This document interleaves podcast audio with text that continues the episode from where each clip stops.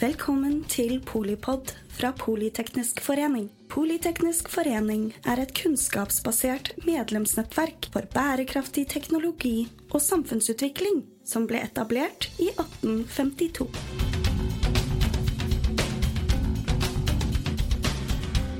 Hva er egentlig effektiv alturisme, og hvorfor mener noen at dette er en bedre måte å drive bistand på? Hva får deg til å love bort 10% av inntekten din resten av livet, og hvilken effekt på noens liv kan 100 kroner fra deg faktisk ha? Dette er noen av spørsmålene vi snakker om i dagens episode. Vi håper du lærer noe nytt, og så håper vi at du gir noe til en sak du selv engasjerer deg for. Mitt navn er Anja Magnussen, og jeg er podkastredaktør og markedssjef her i Politeknisk forening. God lytting! Ja, hjertelig velkommen til Polipod, Aksel Braan Sterri. Du er fagsjef i Senter for langsiktig politikk. Eh, og så har vi med oss Kari Kjørholt. Du er daglig leder i Bistandsforeningen i Effektivt. Og så har vi med oss Peter Aalen, som er samfunnsøkonom i Menon Economics. Har du lyst til å fortelle litt om hvem dere er, og hva dere driver med? Du kan starte med deg, Aksel. Ja, så jeg er som sagt uh, fagsjef i Senter for langsiktig politikk, og vi er en nystartet organisasjon. Og vi, vår måte, analyse av det politiske systemet er at det er for kortsiktig. Og det er selvfølgelig orientert mot uh, de som lager en del bråk, uh, ting som skjer akkurat nå, kriser som foregår. Men kanskje hovedsakelig så ekskluderer det tre eh, grupper. Og det er folk, framtidige generasjoner, som selvfølgelig ikke har eh, muligheten til å stemme. Eh, dyra, som heller ikke har muligheten til å si hvordan de liker det å bli brukt på den måten de blir brukt på av oss. Og så har du folk utenfor landegrensene som påvirkes, påvirkes av norsk politikk, men har ingen måte å påvirke det politiske systemet på. Så vi tenker at her trenger man en organisasjon som jobber for interessene til disse tre gruppene, og generelt prøver å eh, få oss til å tenke litt mer langsiktig i norsk politikk. Jeg heter Kari. Jeg har egentlig bakgrunn som sivilingeniør fra NTNU og har jobba noen år i næringslivet. Men jobber nå for Gi effektivt, som kommer med anbefalinger til bistandstiltak basert på hvor mye de utretter per krone man gir. Forskning viser at forskjellene på hvor mye de ulike tiltakene utretter, er veldig store gjerne mer enn ti ganger effekten òg innenfor samme område som utdanning eller helse. Og vi baserer oss da på en organisasjon som heter GiveWell, som gjør grundige vitenskapelige analyser på hvilke tiltak som utretter mest, og kommer med en liste over anbefalinger, da. Som folk kan gi til gjennom eh, plattformen vår. Jo, eh, Peter Aalen heter jeg, og jeg jobber i Menon Economics. Jeg er samfunnsøkonom. Eh, og så er jeg her kanskje mer i kraft av at jeg er ganske opptatt av eh, effektiv altruisme. Og det var vel sånn Siden jeg var liten kid, så har jeg vært opptatt av at hvordan kan jeg hjelpe folk. Jeg ga bort en femtedel av av ukeslønna mi da jeg var 15 til planfadder osv. Men så er jeg jo samfunnsøkonom også. Jeg jobber med kost-nytte-analyser. Så når jeg første gang så GiveWell i 2015, tenkte jeg dette er det feteste jeg har sett noensinne. Mm. Eh, og ble veldig gira av det. Og så har jeg sakte, men sikkert gira opp interessen av det. Og ja, prøver å spre, det, spre at det er ganske lurt. Og holder noen innsamlingsaksjoner og gir bort en del penger til det. Det er tidlig, tidlig moden. Det vil si 15 år, gi bort 20 av eh, lommepengene til eh, planen. Det er imponerende. ja, for dere, dere, jobber jo med dette og snakker og skriver om eh, å gi av sin egen inntekt. Men dere har jo alle bestemt dere for å gi 10% av inntekten deres, stemmer det? Resten av livet mm -hmm. til bistand?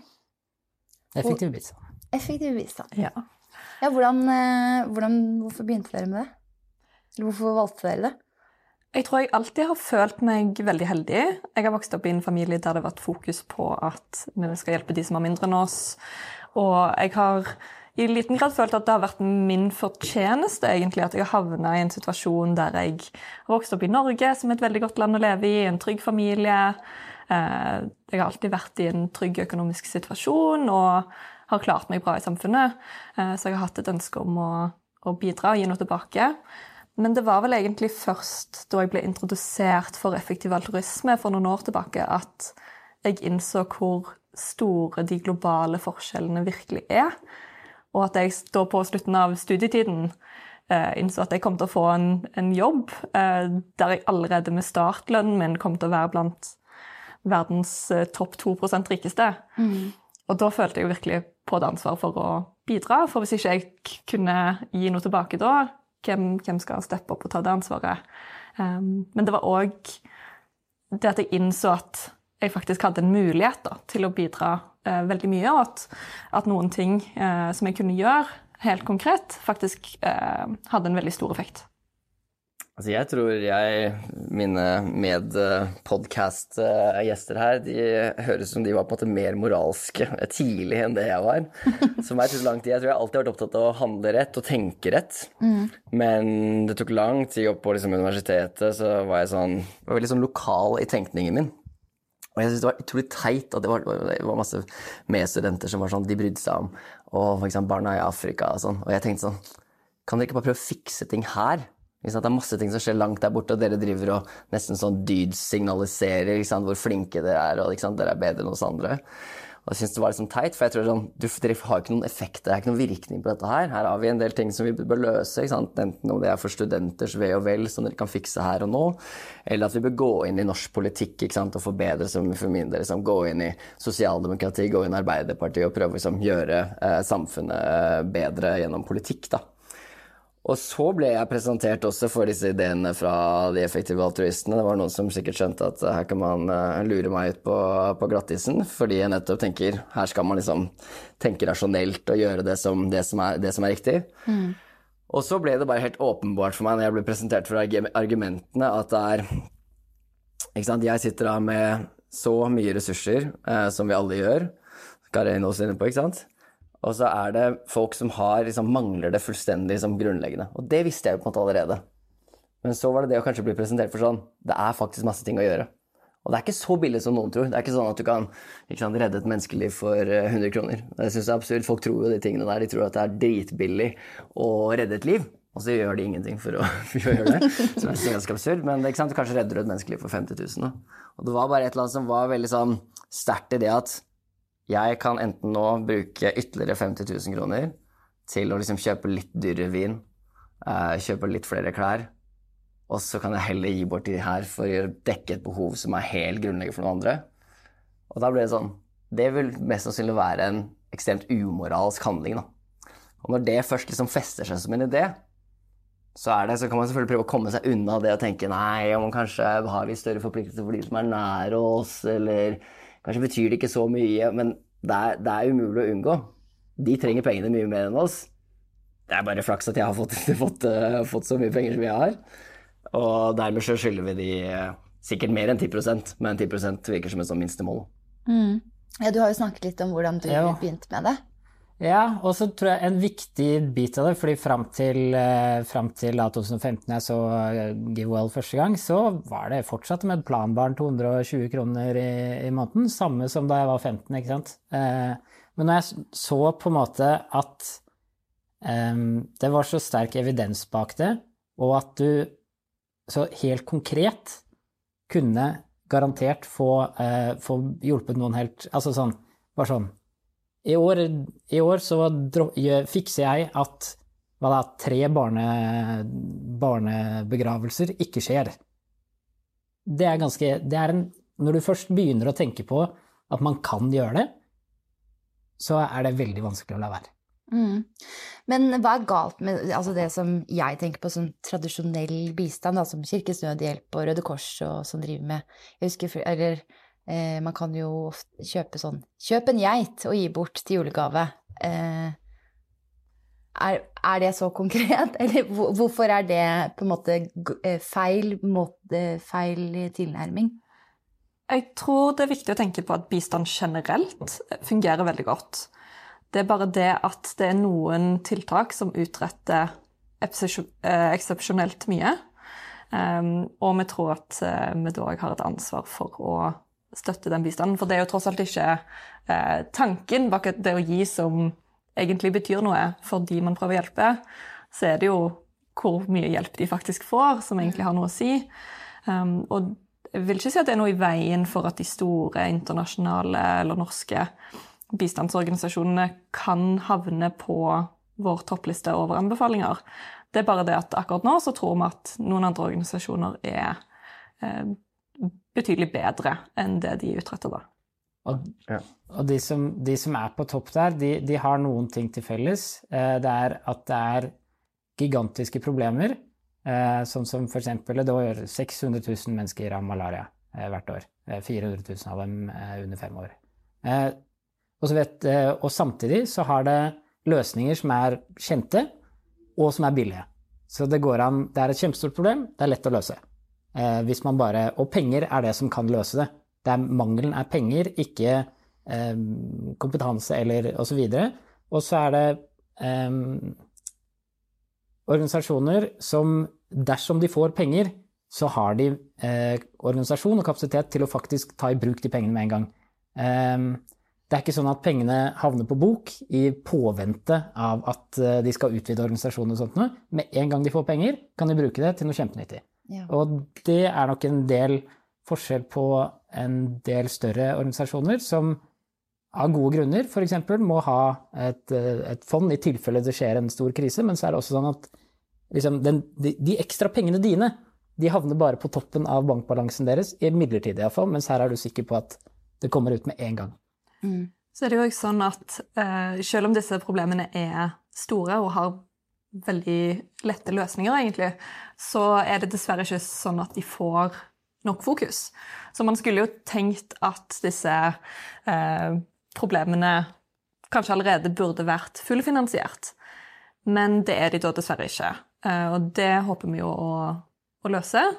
Um, og grunnen til at det kan være sånn, er at det ikke nødvendigvis er så lett for deg som privatperson som skal gi noen hundrelapper til en bistandsorganisasjon, og vite akkurat eh, hvor du får mest igjen for pengene dine. da det er et problem vi ønsker å eh, løse. Så det kan bli noen eh, dårlige feedback loops. Ikke sant? Mangel på informasjon kan gjøre at de beste bistandsorganisasjonene ikke nødvendigvis er de som vokser seg størst og får mest penger til å løse de viktigste problemene. Ja, det er vel kanskje de som, som er flinkest til å trykke på mine emosjonelle knapper akkurat da. Eh, men hva mener du er de viktigste altså, Hva er de største krisene nå? Hva er de viktigste krisene å prioritere? Så de organisasjonene som er på vår toppliste akkurat nå, de jobber med forebygging av malaria. Som er altså to organisasjoner. En som distribuerer myggnett, som folk kan sove under. Um, og en annen som gir ut forebyggende medisin i høysesongen for smitte. Så er det én organisasjon som øker opptaket av spedbarnsvaksiner i Nigeria ved å gi eh, små pengeinsentiver til foreldrene gjerne sånn at de har muligheten til å ta den reisen til helseklinikken for å fullføre det vaksinasjonsprogrammet. Um, også sånne helt uh, grunnleggende ting òg, som å bekjempe feilernæring ved tilskudd av, av, vitaminer. Da. Så som du hører, så er det ikke veldig kompliserte eh, programmer. Og eh, det er jo kanskje òg det som gjør at det er mulig å få de på en stor skala og gjøre det veldig kostnadseffektivt. Da. Ja. For, altså den, for eksempel den New Incentives eh, som går på, på, vaksinasjon, så er det jo sånn at Nigeria, som er et, eh, et kjempestort land med ekstremt mange innbyggere, er det 130 eller noe sånt, eh, de har jo et eh, vaksinasjonsprogram. Alle kan få vaksinene. Ehm, men det er ganske mange som ikke tar vaksinene. Og det er litt sånn, sitter du der med under én dollar i, dagen og mange unger, så å ta deg fri en dag for å sette deg på bussen to timer og betale bussbilletten og ikke få den ene dollaren den ene dagen, det er ikke så lett nødvendigvis. Så bare få litt grann penger for at du skal ha råd til å sette deg på bussen og ta den vaksinen, det er veldig lite penger for en kjempestor gevinst, men den flaskehalsen er helt reell. Ehm, så her er det noen som har identifisert en, en flaskehals som kan bedre ting veldig mye med veldig lite penger. Det som kan sies kanskje sånn i sånn forsvar for de store organisasjonene, da, så, eller som de sikkert ville sagt hvis de var her, er jo at det er sånn Her driver de effektive altruistene eller effektivt og sier ok, vi, vi, skal gi til bare noen veldig spesifikke intervensjoner, og det er de intervensjonene som det er lett å måle. Mens ikke sant, tar Røde Kors eller Leger uten grenser, ikke sant, de jobber i kriseområder. De kommer inn når det er på en, katastrofe, og de har en ekstremt stor kompetanse på sant, å få opp eh, systemene til å funke når det ikke funker, og er selvfølgelig inne i pandemien. Og, Så, og det er vanskelig å finne ut hva er effekten av det. Og da er det litt sånn Ok, her måler man, her har man på en måte noen veldig konkrete intervensjoner mot måte, det å stole på at en organisasjon gjør noe bra. Og de kan ikke nødvendigvis da si for hver tusenlapp du gir, så kommer det til å gi deg så og så mye. Men jeg tror likevel det som måtte tale for effektivt og, gi til disse konkrete intervensjonene, er at det, det vrir også på en måte hele fokuset i retning av at vi bør prøve å være transparente. Vi bruker mye ressurser på å prøve å finne ut hva som faktisk virker, og iallfall sørge for å kvitte oss med de tingene som ikke virker. Og det at vi får en generell retning i en måte, effektivisering og kost-nytte-tenkning innad i på bistandsfeltet, er en utrolig viktig utvikling. Og jeg tror det, det fungerer da også som en sånn utfordrer til disse etablerte organisasjonene. En veldig heldig utfordrer, tror jeg, som gjør at de begynner å tenke oi, vi må kanskje begynne å skjerpe oss litt og begynne å finne ut om de tingene vi gjør, faktisk har så stor virkning som vi tror det har. da. Så jeg tror sånn, vi vil gi at det er fortsatt lite, men jo større det blir, jo mer positiv virkning kommer det til å ha også på disse etablerte organisasjonene som jobber med mer kompliserte problemer. Et, et, viktig poeng inn der også er at den anbefalingslista den er et øyeblikksbilde. Eh, og den er egentlig en anbefaling som, eh, som sier hvis du har eh, 10 000 kroner, hvor får du hjulpet flest? Gitt hvordan verden ser ut akkurat nå. Hvis jeg skulle, hvis, hvis jeg skulle omrokert på hele bistandsbudsjettet i verden eller i Norge, så kunne man ikke fulgt en toppliste. Fordi det er alltid snakk om eh, hvor får du mest nytte av én ekstra krone. Men som privatperson, hva er det jeg kan styre? Det er ca. 10 av inntekten min kan jeg styre. Og så kan jeg kanskje overbevise noen i dag om å gi noe, noe, noe greier, men det kommer aldri til å være nok til at eh, de organisasjonene som er anbefalt, ikke trenger mer penger. Men hvis man skulle liksom sett på helheten, og hele, alle bistandsmidler, så, så, kunne man jo ikke eh, fulgt den. Så det er på en måte gitt at disse sakene er så underprioriterte som de er, mm. så må de få mer penger. Eh, hadde de ikke vært underprioriterte, så hadde det vært noe annet som man burde gått for. Mm. Vi håper jo òg bare at disse organisasjonene på topplista vår blir fullfinansierte, sånn at de ikke lenger trenger mer penger, og at vi heller kan anbefale de som kommer på neste steget i lista, rett under i effektivitet. ikke sant? Rett og slett bare at bistandsmidlene vi bruker, blir bedre fordelt, og at vi gir penger og plukker de mest lavthengende fruktene først. da. Mm.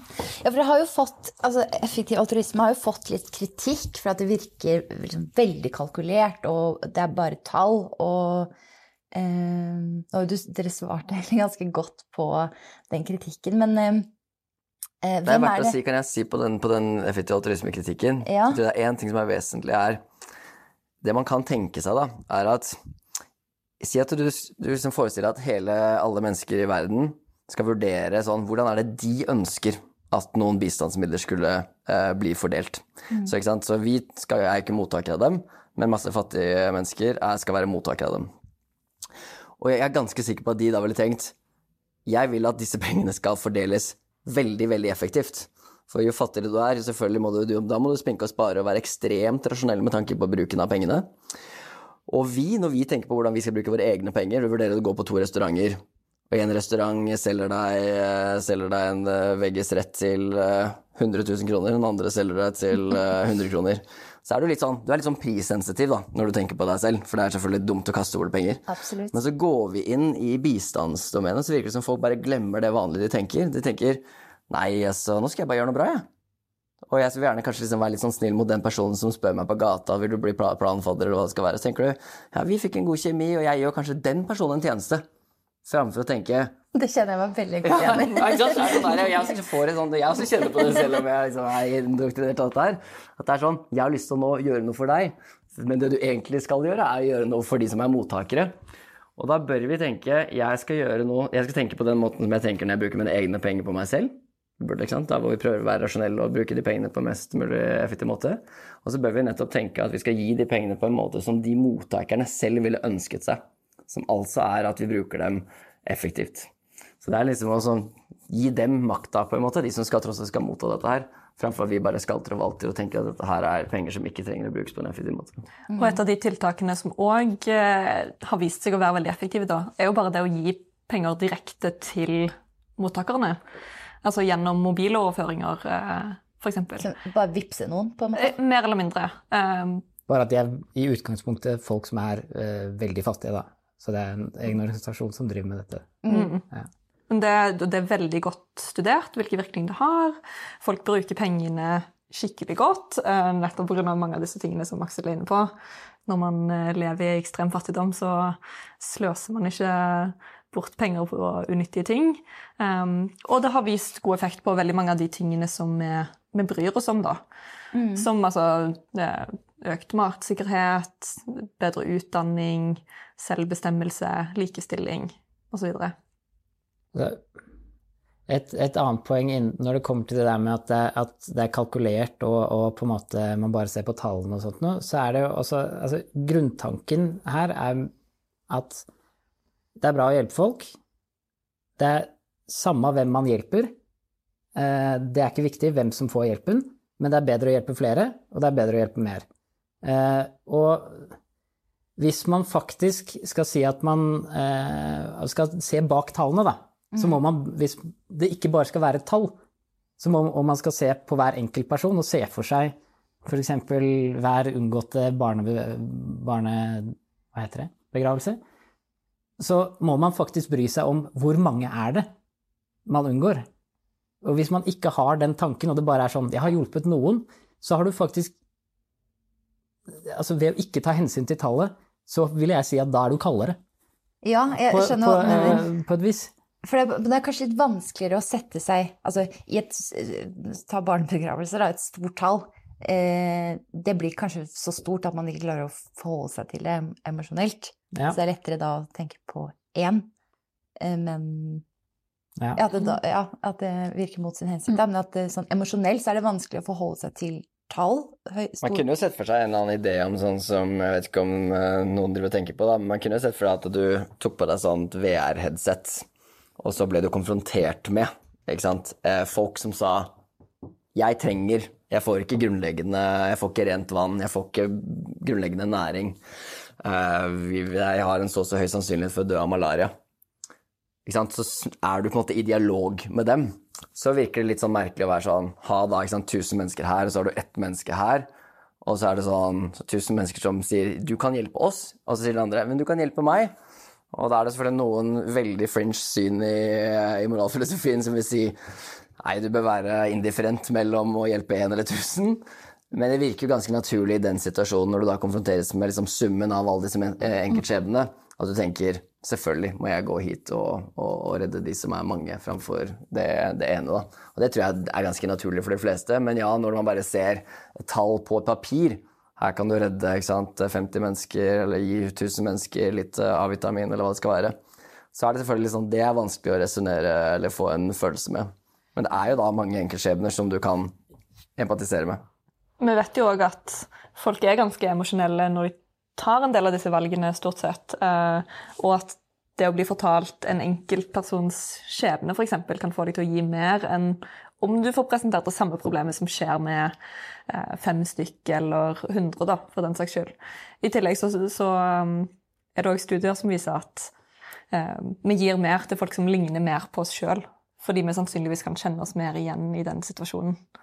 Um, vi kan kanskje se noe utslag av det eh, rundt Ukraina-krigen, f.eks., som fikk en ganske stor del av bistandsbudsjettet i fjor. Og jeg, jeg syns det er veldig fint at vi eh, støtter opp om, om det. Vi burde kanskje enda mer òg. Men samtidig så er det da eh, problemet tenker jeg, at det går på bekostning av andre store kriser som òg skjer i verden, eh, som krigen i Etiopia, f.eks., eh, der mer enn dobbelt så mange døde. Eh, men det er veldig mye færre som har, eh, mange færre som har hørt om det. Og vi gir mye mindre penger til den krisen, da. Kanskje fordi det er lenger borte, eh, og folk eh, ligner mindre på oss sjøl, da. En ting for å gjøre det mer personlig også, er jo at hvis det er én organisasjon som eh, de mest effektive, så kan du redde et liv for 50 000 ish. Eh, mens for de de mindre effektive, så er det typisk 500 000 eller 5 mill. eller lignende, da. Så som en privatperson så kan du faktisk mange, de fleste med, med, med normalt til høy inntekt i Norge, kan helt fint redde én person i året. Hvis de, hvis de, bestemmer seg for det. Og det er helt konkret, men det kunne man ikke gjort hvis man hadde gått for noen av de, de mindre effektive organisasjonene. Så for å ta det helt ned på et sånt personlig plan også, jeg kan redde én kid. Det går det an å tenke hvis man går for, uh, går for de mest effektive. For det er verre å tenke sånn Jeg kan redde en hundredel av et barn. Det er litt det er vanskeligere. Så, det er ikke en historie, ikke, ikke, sant? men den, ene kan sånn du faktisk makt, uh, altså, vite det, at du kan faktisk redde ett barn.